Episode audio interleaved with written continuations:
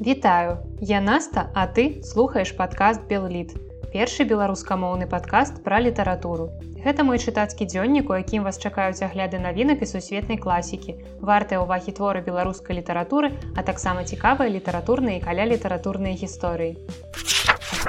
Сённяшні выпуск будзе даволі разнастайным паводле тэмаў, якія я ў ім закрану, але ж усе кнігі аб'ядноўвае адно, яны не мастацкія. У гэтым выпуску я раскажу пра літаратурны нонфікшн ад паэта эсеіста Мехася Скоблы, таксама пра нейрабіялагічны нонфікшн ад нейраэндакрынолага Роберта Сапольскі і нібыта пісьменніцкі, але насамрэч чорт веда які нонфікшн ад амерыканскай пісьменніцы Наталі Голдберг. Добрая тая кніга, як мне здаецца, пасля чытання якой твой спіс літаратуры павялічваецца. У мяне, як мне здаецца, яны так бясконцы, але дзякуючы мехасю скоблу ён павялічыўся яшчэ на некалькі пазіцый. І таксама ёсць людзі, якія сваім захапленнем здольныя натхніць усіх вакол. Калі нехта любіць тое, што ён робіць, ён любіць сваю справу і расказвае пра гэта людзям, людзі таксама гэтым натхняюцца і хочуць больш цікавіцца больш ведаць пра гэтую тэму. І вось у зборніку прознага мехася скоблы, які называецца саркафахі страху і выйшаў 2000 2016 годзе ў выдавестве кнігазбор для мяне супалі абодва гэтыя пункты. Я і павялічыла свой спіс літаратуры і таксама захапілася тэмамі пра якія ён казаў і хачу даследаваць іх далей. Дарэчы заўважце як цікава пазначаецца зборнік неалагізмам прозна які сумяшчае ў сабе і прозу і рознае. Мне падаецца што гэта вельмі цікава. А ўвогуле мехай скобла вельмі даўно выступае ў якасці даследчыка і папулярызатара творчасці ларысы генію шызойскі верас ён натхніў мяне глыбей пазнаёміцца з творчасцю гэтых наших вядомых таленавітых аўтарак. Бо здавалася што яны даўно знаёмыя але ж яны такія што кожны раз адкрываюцца з нейкага новага іншага боку. І не дзіўна што ларысы геніюш у гэтай кнізе так шмат. Спадар мехайс напрыклад падрыхтаваў да выдання яе перапіску выбраныя творы кнігу ўспамінаў і мноства іншых матэрыялаў за што яму велізарная падзяка. Таму вельмі раю вам апошні і самы доўгі з усіх раздзелаў раздзел які называется чайка з лётам арліным Ён прысвечаны якраз асобе і творчасці ларысы геніюш. Але зборнік саркафагі страху ён не толькі пра верас і генію ж тут вы сустрэнеце мноства эсэ на розныя літаратурныя, культурныя, гістарычныя і нават палітычныя тэмы. Гэта і гісторыі з літаратурных вандровак і нечаканыя кніжныя адкрыцці. І тым, хто сочыць за творчасцю мехася скоблы ці проста даволі часта зазірае ў літаратурныя раздзелы на розных сайтах ці чытае адпаведныя часопісы. Многія тэксты для гэтых людзей будуць знаёмыя, бо раней яны ўжо друкаваліся. Але цяпер аўтар вырашыў іх сабраць пад адной вокал выкладкай. Зборнік пачынаецца вельмі актуальным артыкулам, бо ў наш час космас гэта даволі важная тэма.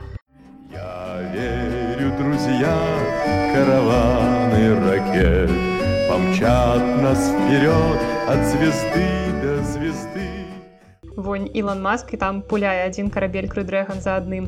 А Михай скобла піша пра нашага першага касманаўта, як сам яго называе. І прычым гэты першы касманаўт гэта не Пятро клімук, як вы маглі падумаць. Гэта Язэп Драздович. І хоць Драздович не быў у космосе, але ж ён быў апантаны космосам і прысвяціў яму велізарную частку сваёй творчасці. Ён спадзяваўся, што калісьці знойдуцца людзі, якія змогуць праверыць усе ягоныя тэорыі. І з гэтай надзеі ён ствараў навукова-папулярную кнігу нябесныя бе бегі. І там ён разглядаў такое, што дагэтуль нам падаецца чымсьці неверагодна фантастычным. Напрыклад, магчымасць існавання жыцця на кольцах Сатурна. І ў эсэ пра драздовіча скобла робіць добрую заўвагу. Як гэта важна для мастака быць пэўным у сваім бачанні свету і сусвету. Бо як мне здаецца, калі ты сам верыш у тое, што ствараеш, то яно тады і атрымліваецца больш праўдападобным. Але, на жаль, не ўсе гісторыі ў зборніку такія прыемныя і натхняльныя, ёсць у ім і даволі прыкрая гісторыя, якая ў цэлым адлюстроўвае сучасны стан існавання беларускай літаратуры і яе дачыненні з дзяржавай. Гэта гісторыя пра тое, як у 2008 годзе быў выдадзены слоўнік фразеалагізмаў Івана Лепішава, з якога рукой галоўнага рэдактара выдавецтва беларуская энцыклапедыя Геннадзя Пашкова была выкінутая вялікая колькасць беларускіх пісьменнікаў. І ў зборніку скобла хавае рэдактара за ініцыяламі ГП, але мне здаецца, што краіна павінна ведаць сваіх герояў, таму я называю Геннадзя Пашкова.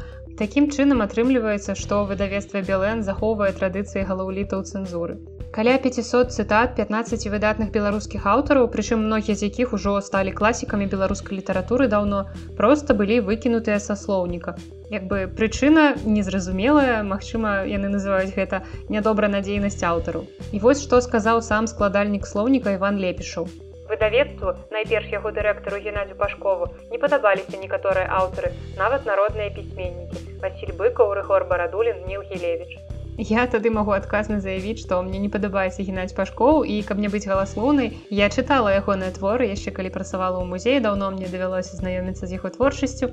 І хочу вам сказаць, што ягоныя вершы не дацягваюць ні да рыгора барадуліна, ні даніла гілевіча. Мне здаецца, што тут даволі дарэчы будуць радкі самога ніла гілевіча вось пра такіх як пашкоў.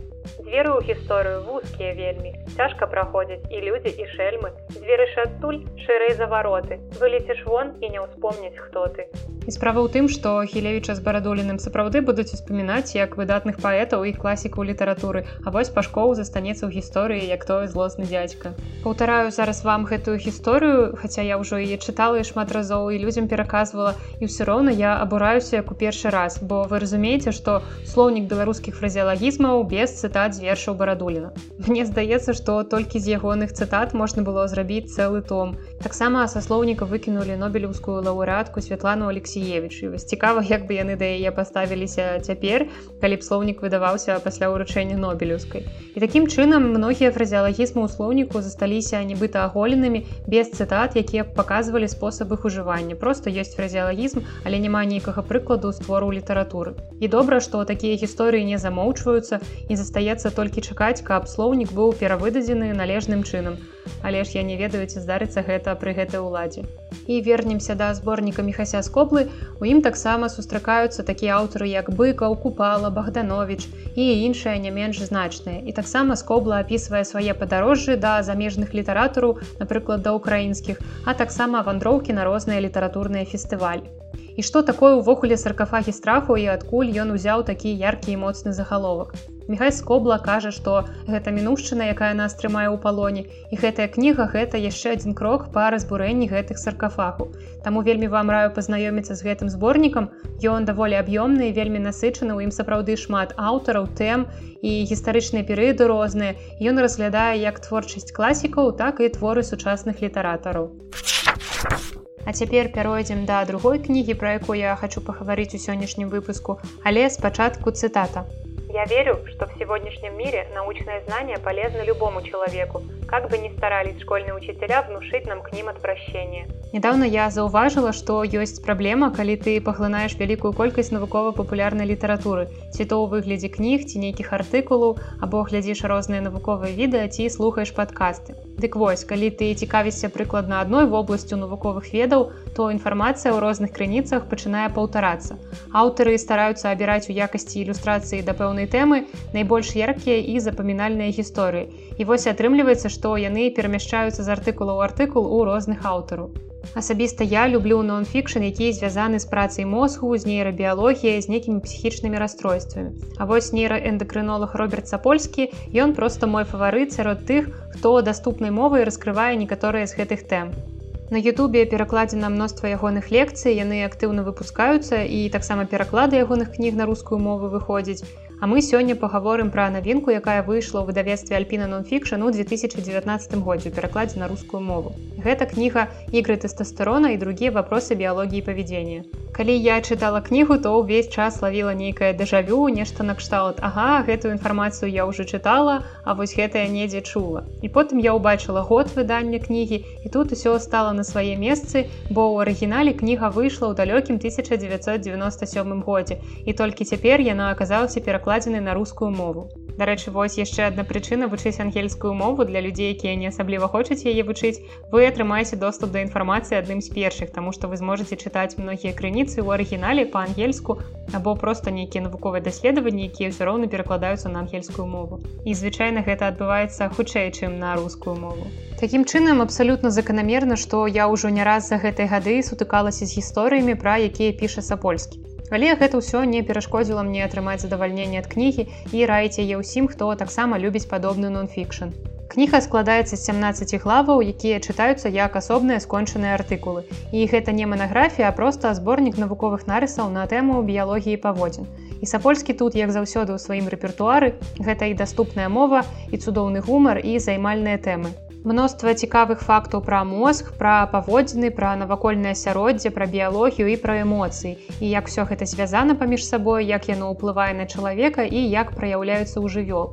Сапольскі паказвае тут, якую ролю біялогія грае ў фарміраванні таго, кім мы з'яўляемся як людзі. І як я казала, хаця многія з прыкладаў і навуковых фактаў ужо былі мне знаёмыя, знайшліся і новыя цікавыя гісторыі і зараз я падзялюся з вами адной з іх. Гэта гісторыя пра шымпанзе, якія жылі ў нацыянальным парку гомбе ў Танзаніі. Прыматолагі, якія назіралі за гэтымі шымпанзе, заўважылі адну асаблівасць у харчаванні гэтых жывёл. Кожную раніцу на галодны страўнік шымпанзе елі лісце кустоўя аспілія.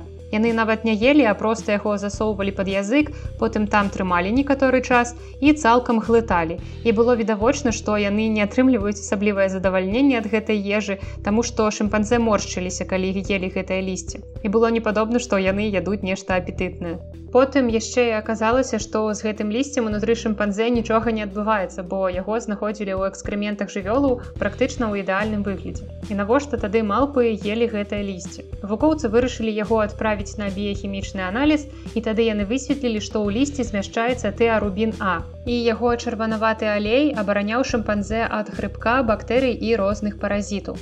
Але тады ўзнікла іншае пытанне, навошта шымпанзе трымалі лісце менавіта пад языком.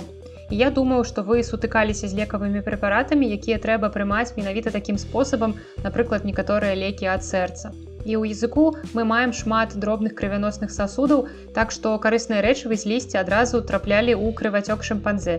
Так яны абыходзілі стрававальную сістэму. Гэта даволі зручненька, як мне здаецца, і такія вось цікавыя практыкі самалячэння ў жывёлу. Падсумоўваючы скажу, што кніга сапольскі безумоўна варта ўвагі і да таго ж у рускага выдання выдатнае афармленне гэта і прыемная софт-тач вокладка і цікавае рашэнне ў плане афармлення главу і таксама прыгожы шрыфт. Кніга дакладна стане прыгожым папаўненнем вашай бібліятэкі. І ў канцы яшчэ одна цытата з кнігі. Когда наука действует правильно, она открывает доступ к самым увлекательным и содержательным загадкам. Она привносит провокационные идеи в наши споры о морали, а иногда даже улучшает нашу жизнь. Я подумала, што пакуль расказвала тут вам толькі пра кнігі, якія мне спадабаліся і неяк абмінала тыя, што не спадабаліся, але разам з тым прынеслі шмат эмоцый, пераважна гэта нешта накшталт абурэння. Таму я паспрабую караценька часам расказваць і пра такія кнігі, бо мне заўжды здавалася, што негатыўныя водгукі атрымліваюцца больш цікавымі нейкімі эмацыйна насычанымі, чым пазітыўныя водгукі.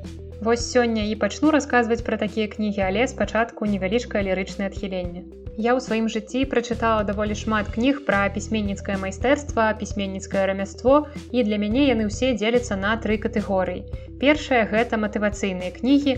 У такіх кнігах рэдка сустракаюцца сапраўды карысныя парады, практычныя парады. У асноўным гэта такая вадзічка, як у звычайных матывацыйных кнігах па самаразвіцці. Гэта ўсё папулізм на тэму ты зможаш, веру сябе, ты класны. Я не кажу, што гэта дрэнныя кнігі, магчыма, камусьці яны сапраўды дапамагаюць, але мне, на жаль, не, я не бачу ў іх нічога цікавага ці карыснага.